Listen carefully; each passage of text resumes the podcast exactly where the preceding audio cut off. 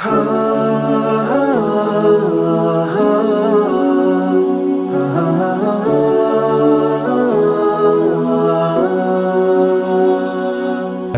alaikum och hjärtligt välkommen till Koranpodden. Jag heter Sally och detta är podden för dig som vill bredda och fördjupa dina kunskaper om Koranens budskap för att på så sätt stärka din tro och berika ditt liv. Du lyssnar på poddavsnitt 138 och idag ska du få lyssna på mitt föredrag om hur vi övervinner våra rädslor. Dessa rädslor som håller oss tillbaka från att leva det liv och de drömmar som vi har. Föredraget baserar sig på mina personliga reflektioner kring att kämpa med mina egna inre rädslor. Jag är övertygad om att det som jag har att berätta om i detta ämne kommer ge dig nytt mod att möta dina egna rädslor och segra över dem med Guds hjälp. Föredraget livesändes under månaden Ramadan via Facebook och arrangerades i samarbete med Studieförbundet Ibn Rushd. Värden för denna digitala Ramadansändning var Bror Aram från Mölndal. Men innan du ska få lyssna på föredraget så vill jag be dig om en pytteliten tjänst. Om du finner värde i att lyssna på Koranpodden och uppskattar arbetet, då skulle jag vara supertacksam om du betygsatte Koranpodden på Apple Podcast eller där du lyssnar på poddar. När du betygsätter Koranpodden, då hjälper du nämligen podden att rankas högre upp på lyssnarlistorna som gör att fler kan upptäcka och dra nytta av Koranpodden. Så ta gärna 2 till 3 minuter, det tar inte mer än så, och gå in på koranpodden.se betyg med din iPhone och skriv en kort recension. Vid nästa poddavsnitt läser jag inshallah upp alla de recensioner som har kommit in. Så tusen tack för all din hjälp. Okej, nog med försnack. Här är mitt föredrag om hur vi övervinner våra rädslor för att leva det liv och de drömmar som vi har.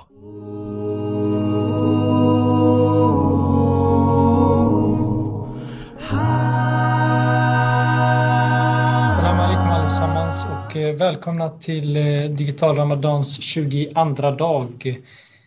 Det här är ett initiativ av Ibn Rushds studieförbund där vi eh, försöker hålla uppe den här ramadankänslan som vi kanske i vanliga fall skulle ha genom att gå till moskéerna.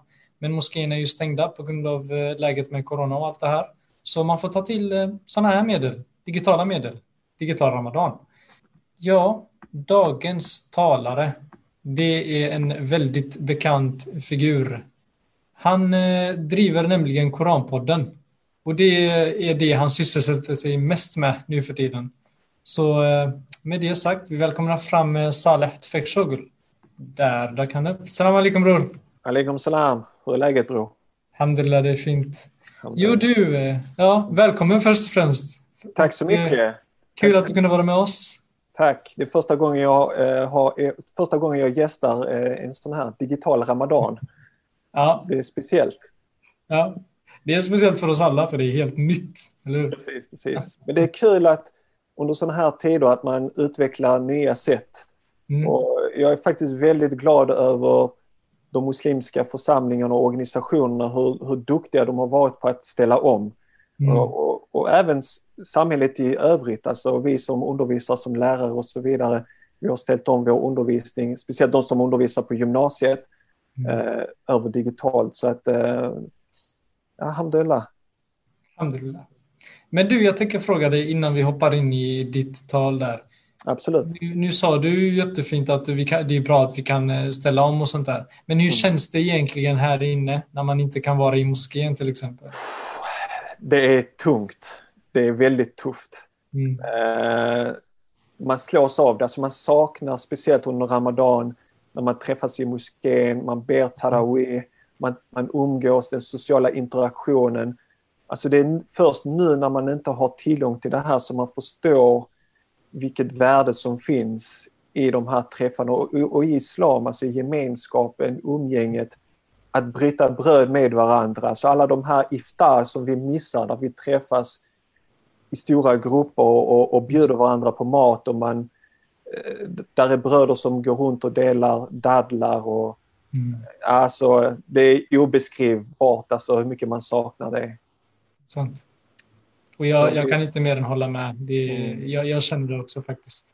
Mm. Finns en, det är någonting som saknas när man inte kan vara med den här Jama'a-gemenskapen som man brukar vara.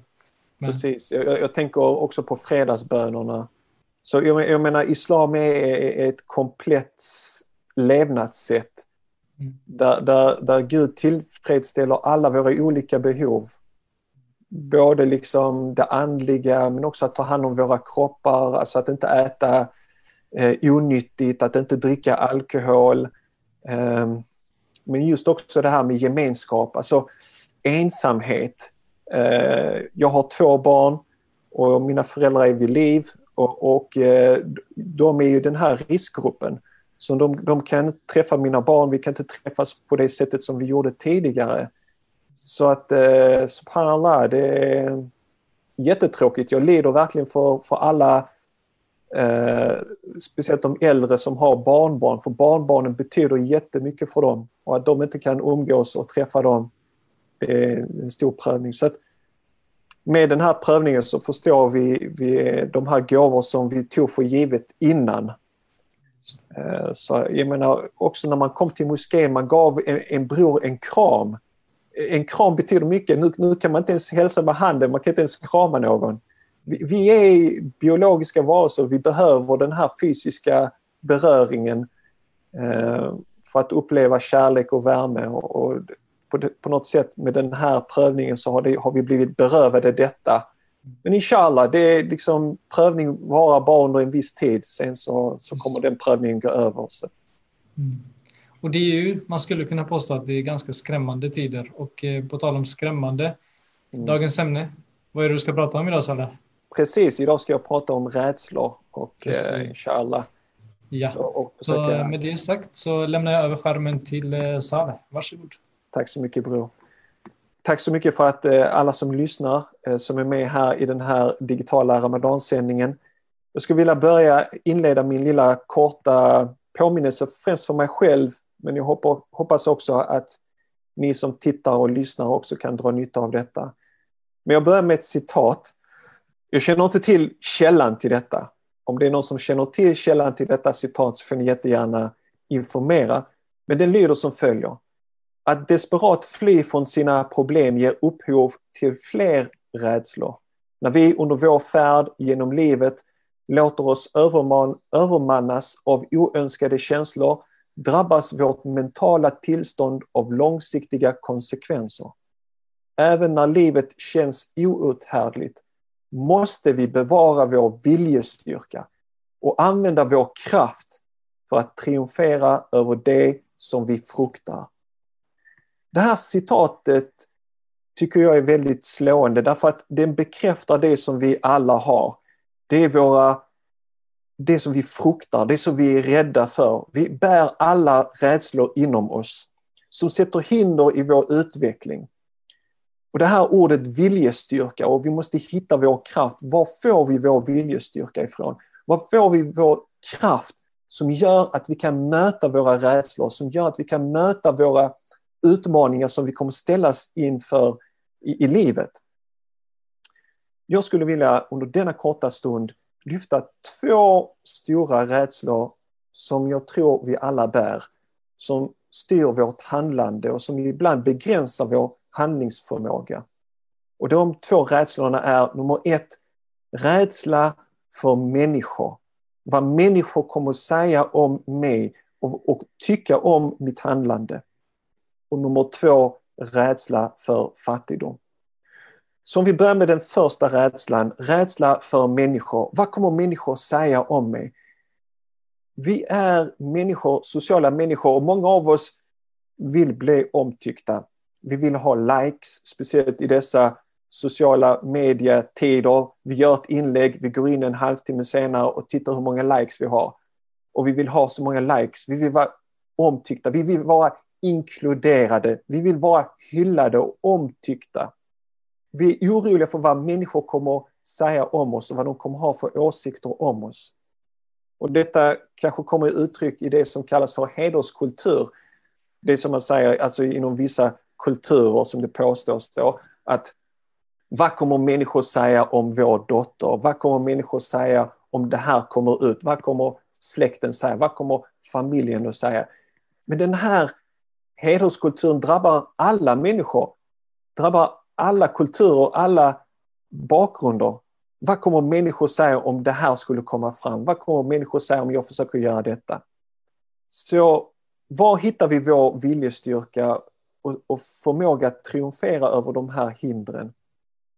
Jag tror problemet med det här att vad kommer människor säga? Jag menar, ibland har vi drömmar. Vi vill uppnå saker och ting. Men vi är rädda för att misslyckas, för att människor kommer att ha olika åsikter.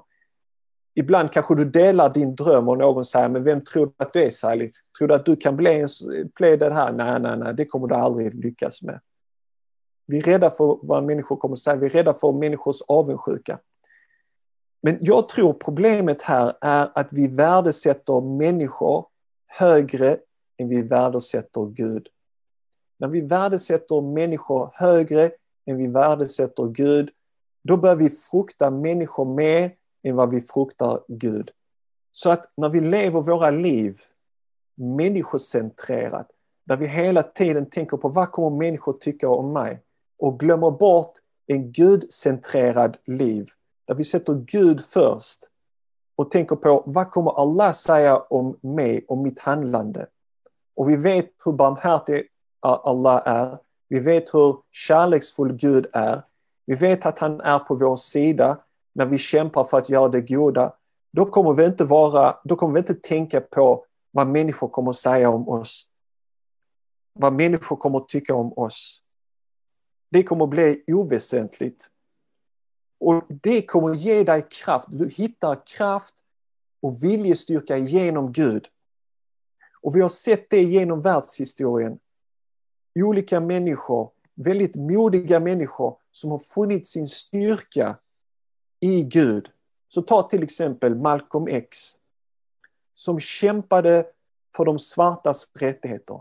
Ta Martin Luther King som kämpade för de svartas rättigheter.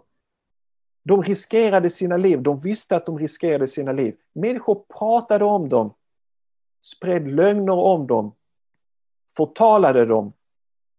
Men de hade en otrolig inre styrka och den styrkan är jag helt övertygad om att de fann i sin tro hos Allah. Så om vi vill komma bort från den här fruktan av vad kommer människor säga så tror jag det är viktigt att vi sätter Gud först i våra liv. Allah säger i Sura 20, vers 46. Ni har ingenting att frukta. Jag ska vara med er. Jag hör och jag ser allt. Så om vi bär oss med den här koranversen i vårt liv, att vi har ingenting att frukta. Vi behöver inte frukta människor. Allah är med oss. Allah är vårt stöd. Han ser och han hör allt. Då behöver vi inte frukta människor. Vi behöver inte vara rädda för dem när vi har Allah i våra liv. Så styrkan kommer inifrån. Det finns människor som försöker hitta styrka och kraft utifrån. De tränar.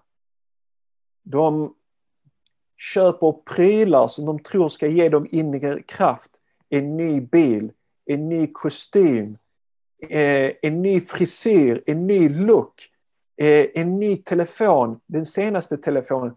Olika materiella saker utifrån som ska ge dem inre styrka.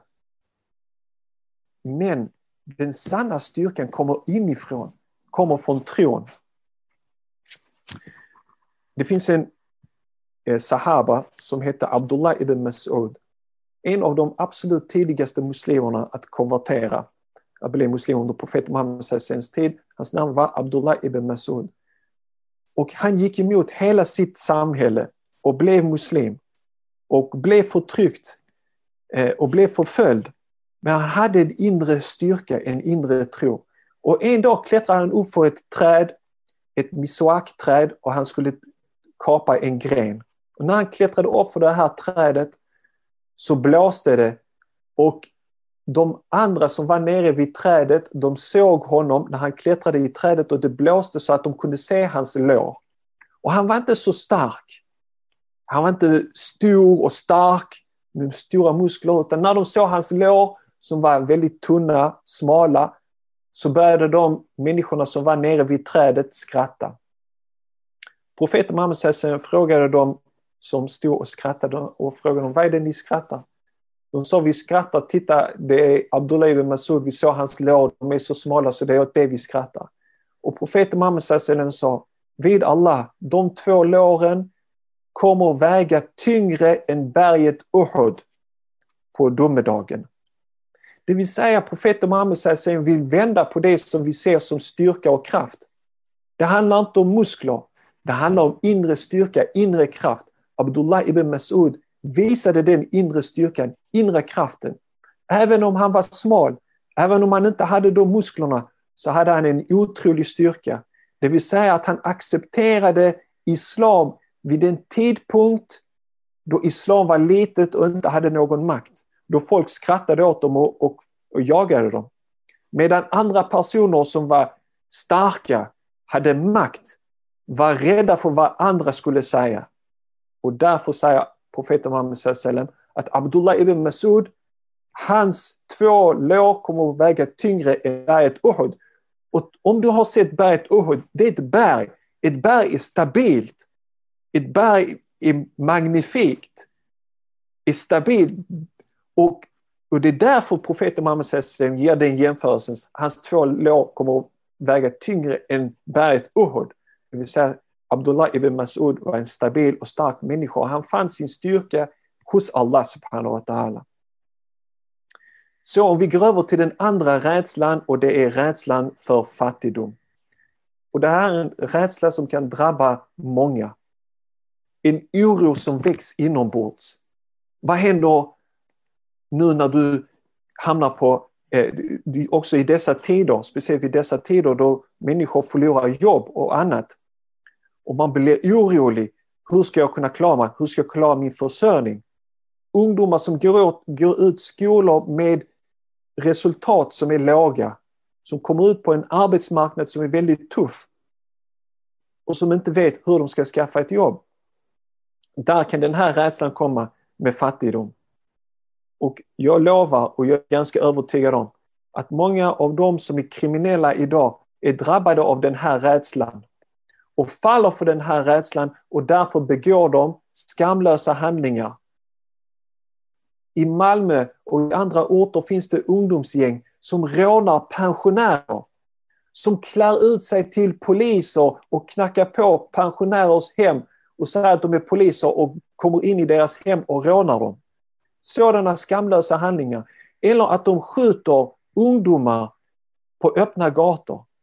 Det finns i Sura 2 Sura al-Baqarah, ayat 268, där Allah säger Djävulen hotar er med fattigdom och uppmanar er att begå skamlösa handlingar. Men Gud lovar er sin förlåtelse och sin nåd.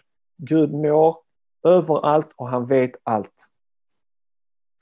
Så var inte rädd för den rädsla, denna rädsla om fattigdom som Shaitan sprider, som Satan sprider, som han viskar i dina öron. Fall inte för den så att du begår skamlösa handlingar, så att du ljuger för att kunna tjäna.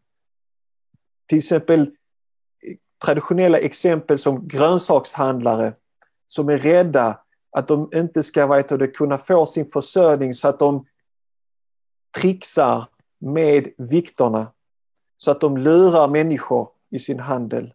Så att när de bedriver handel ljuger för att de ska tjäna extra pengar. Det här är en mycket farlig rädsla. Rädsla för fattigdom. Och rädsla för vad människor kommer att tycka om en. Men rädsla för fattigdom drabbas vi av när vi glömmer bort Allah subhanahu wa ta'ala.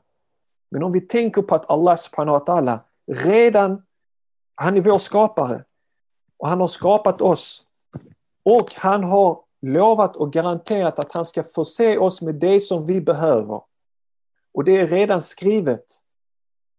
Om vi har den tron och Allah subhanahu wa ta'ala också har garanterat att om vi följer och vi är uppriktiga och ärliga, han kommer ta hand om oss. Det finns en hadith som lyder som följer. Om du verkligen förlitar dig på Allah, tror på honom, tror att han kommer ge dig, att han kommer förse dig, så kommer han förse dig precis som han försörjer fåglarna. De går ut på morgonen med tomma magar och återvänder fulla. Så varför ska du vara orolig för fattigdom? Sätt din tillit till Allah. Allah har skapat fåglarna och de flyger och skaffar sin försörjning. Men vad är det vi lär oss av fåglarna? Sitter de i sina bon och väntar på att någon ska ta hand om dem? Nej, de är ute och de flyger. Jag befinner mig just nu i mitt uterum och jag har ett träd framför mig. I det här trädet framför mig så fanns det en stor, stor fågelbo med massor med kvistar. Nu när jag tittar på det fågelboet så är det bara några få kvistar kvar. Vad är det som har hänt? Förra sommaren var, den, var det fågelboet bosatt. Nu under hösten, jag vet inte om det är samma fågel eller om det är en annan fågel, fågelboet är tomt. Men sen i höstas har det kommit en fågel som jag kunnat se på mitt sovrum. Som varje morgon har kommit och plockat några kvistar från det här fågelboet som är övergivet och tagit det förmodligen för att bygga ett nytt fågelbo. Och varje morgon, dag efter dag, har jag sett samma fågel komma till det här övergivna fågelboet, hämta några kvistar, flyga iväg och bygga ett nytt fågelbo med de här fågelkvistarna. Så subhanallah, vad är det det lär oss? Att vi ska inte frukta fattigdom. Vi ska följa, följa Allah, vi ska tro på Allah och vi ska jobba och vi ska sträva och vi ska kämpa. Och så kommer det lösa sig. Så vi behöver inte ta de här andra vägarna, de skamlösa vägarna av att ljuga, stjäla, tjuva och sådana här saker. Så för, för att summera min lilla korta påminnelse. Vi måste ständigt komma ihåg Allah i våra liv. När vi glömmer Allah subhanahu wa ta'ala, då börjar vi frukta människor. När vi glömmer Allah, då börjar vi frukta fattigdom. Men när du har Allah, när du tror på Allah subhanahu wa ta'ala, du vet att han har skapat dig. Du vet att Allah subhanahu wa ta'ala aldrig kommer överge dig. När du har den tron, när du läser de fantastiska exemplen av profeternas liv, av följeslagarnas liv och du ser dem som förebilder och du försöker forma ditt liv efter deras förebild. Då, blir, då försvinner rädslan för människor. Då försvinner också rädslan för fattigdom. Naturligtvis är vi människor. Naturligtvis kämpar vi med det. Jag, kämpade jag kämpar med de här rädslorna också. Men jag finner alltid trygghet. Jag finner alltid säkerhet när jag kommer ihåg min tro på Allah subhanahu wa ta'ala. Så med det sagt eh, så tar jag paus här och eh, vår bror Adam är här också.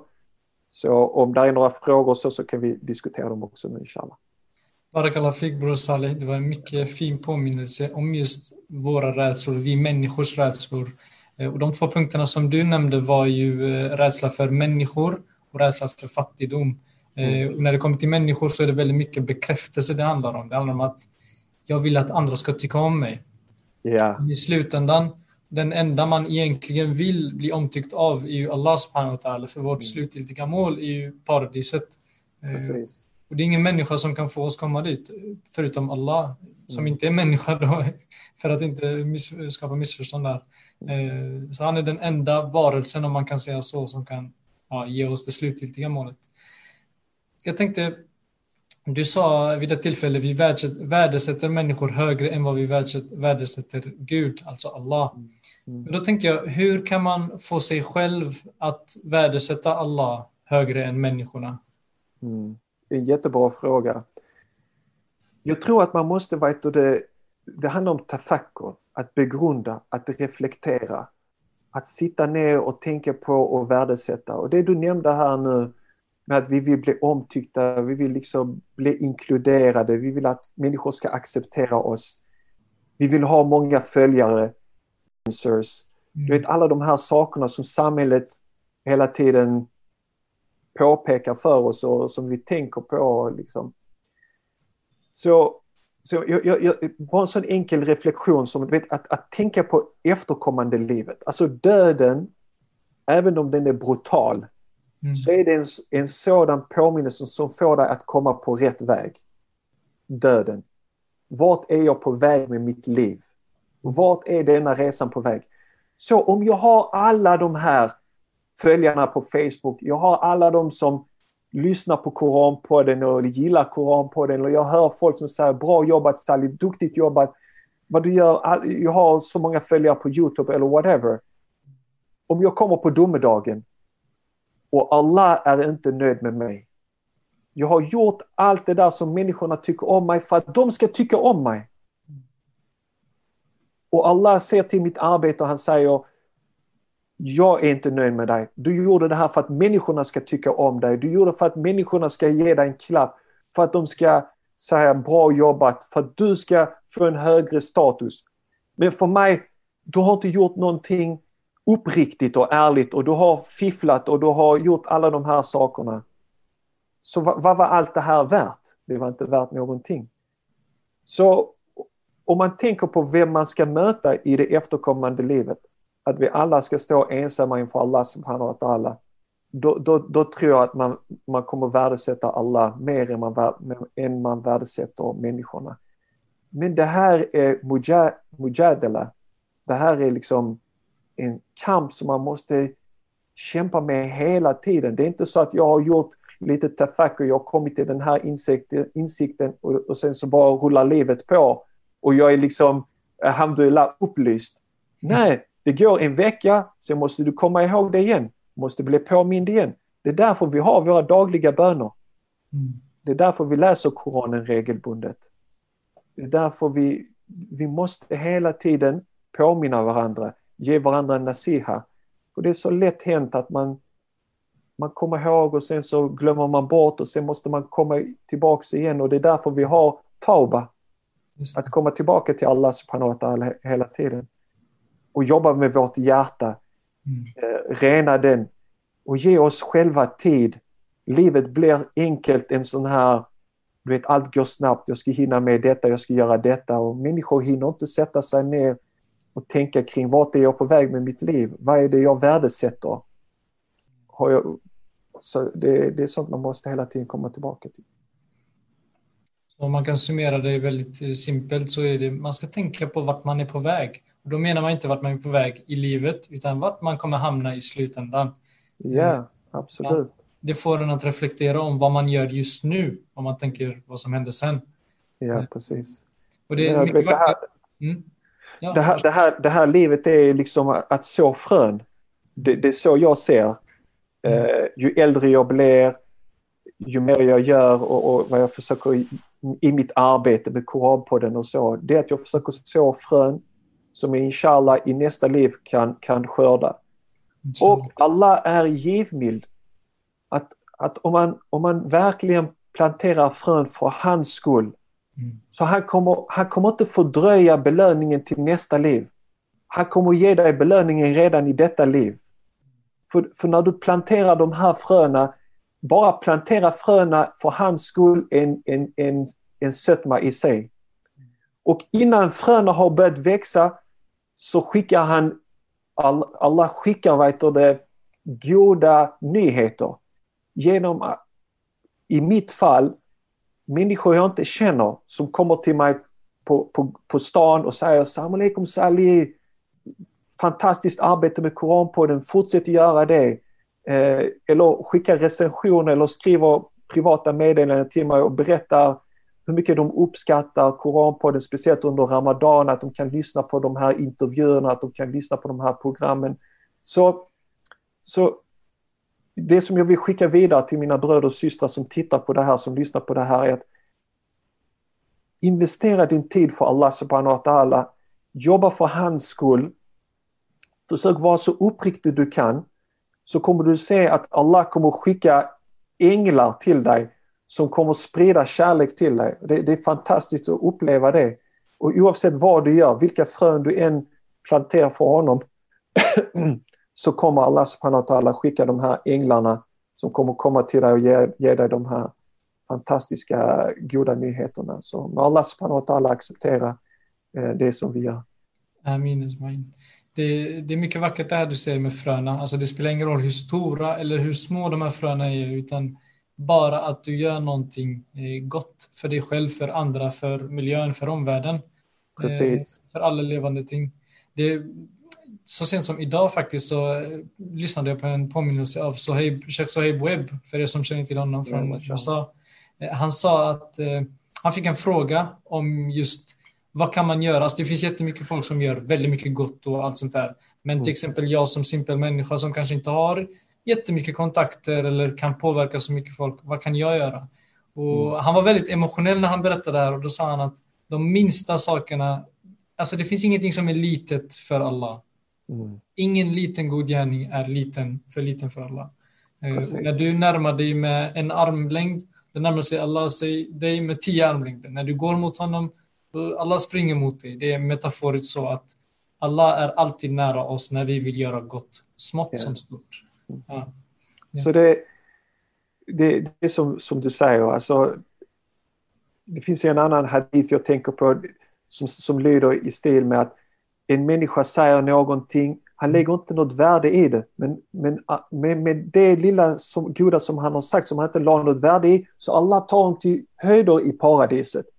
Sen finns det människor som säger saker och ting, lägger inte något värde i det och tar dem till helvetet.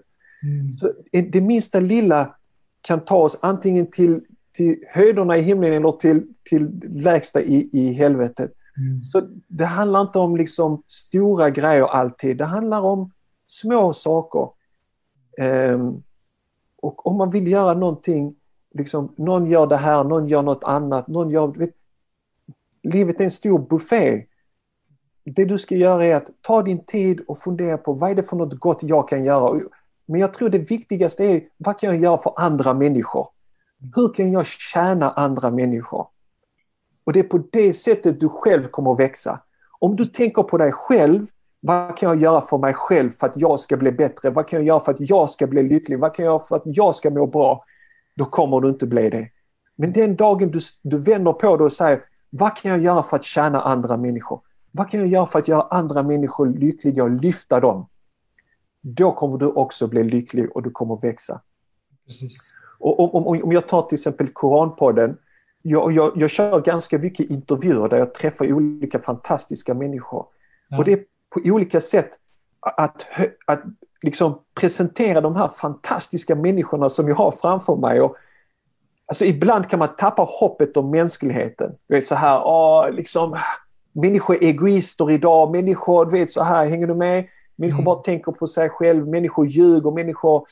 Man, man, kan, man kan se det som en mörk tillvaro. Men nu när jag har träffat så många människor genom Koranpodden och intervjuat så många människor, mm. är att jag, se, jag på något sätt har jag återupptäckt godheten hos människor, det fantastiska hos människor. Jag träffar fantastiskt goda människor och Alhamdulillah, genom den lilla plattformen som jag har, att kunna dela deras stories liksom konvertiter som har gjort fantastiska resor, som är starka individer, kunna dela deras berättelser med lyssnarna. Du ser när jag pratar om det liksom att jag är så otroligt glad över det och det, det gör mig glad. Och att få lyfta dem, att kunna ge dem en röst. Mm. Eh, för att i medievärlden idag, om det, kom, om det är en konvertit som blir intervjuad så, så blir det liksom de får inte den möjligheten att kanske uttrycka Nej. i det samtalet med mig, tillsammans med mig i 40 minuter, 50 minuter. Jag har ingen ag dold agenda. Mm. Låt dem berätta sin story och de får berätta liksom vad de har gått igenom och det de har upptäckt och liksom så här. Istället för att bli ifrågasatt. Ja, så nu har du tagit på dig slöjan, vad betyder det? Och, ja. ja, du vet så här. Mm. Ja, precis. Det är mycket fint bror. Det är jättefint det arbetet du gör med Koranpodden.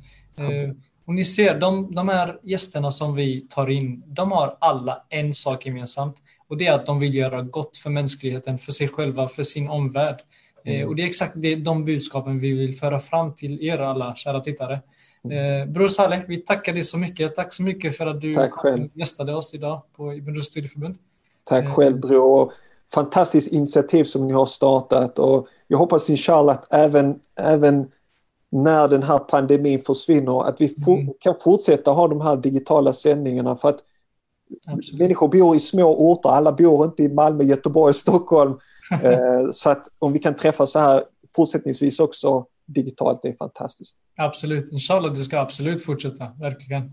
Så vi säger salam alaikum till dig och eh, alla ni där hemma som lyssnar på det här. Vi har idag pratat om våra rädslor och eh, ja, som Broder Salih berättade, våra rädslor, det, är, det grundar sig egentligen i väldigt basala saker när man jämför det med eh, att i slutändan så handlar det om vad man gör för sig själv och vad man gör för Allahs skull. Att allt annat blir så bagatellt i slutändan. Så eh, ja, våra rädslor kan vi endast tackla om vi tänker efter varför vi gör dem. Tack för att du lyssnade på mitt föredrag om hur vi övervinner våra rädslor. Vilka lärdomar tar du med dig från detta föredrag? Jag är nyfiken på att få veta. Du kan lämna ett svar eller en kommentar direkt på Koranpoddens hemsida. Gå in på koranpodden.se 138 och lämna din kommentar längst ner på sidan.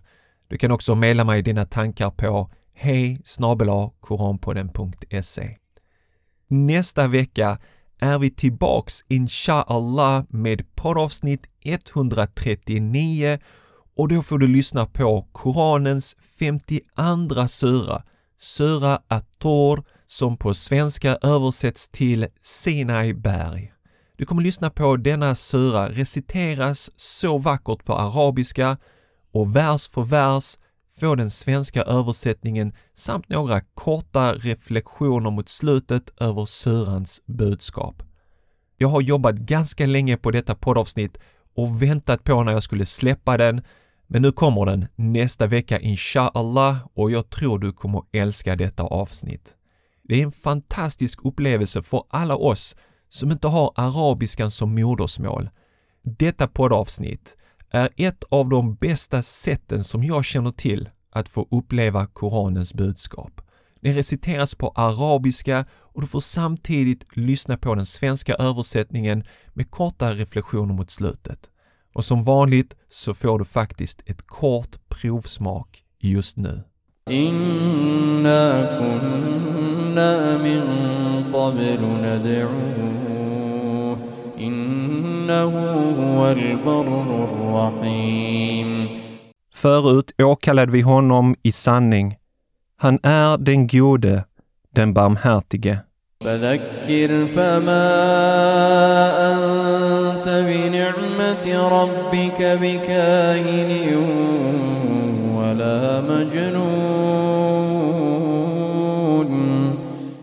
Påminn alltså. Du är inte genom din Herres nåd varken en spåman eller en galning.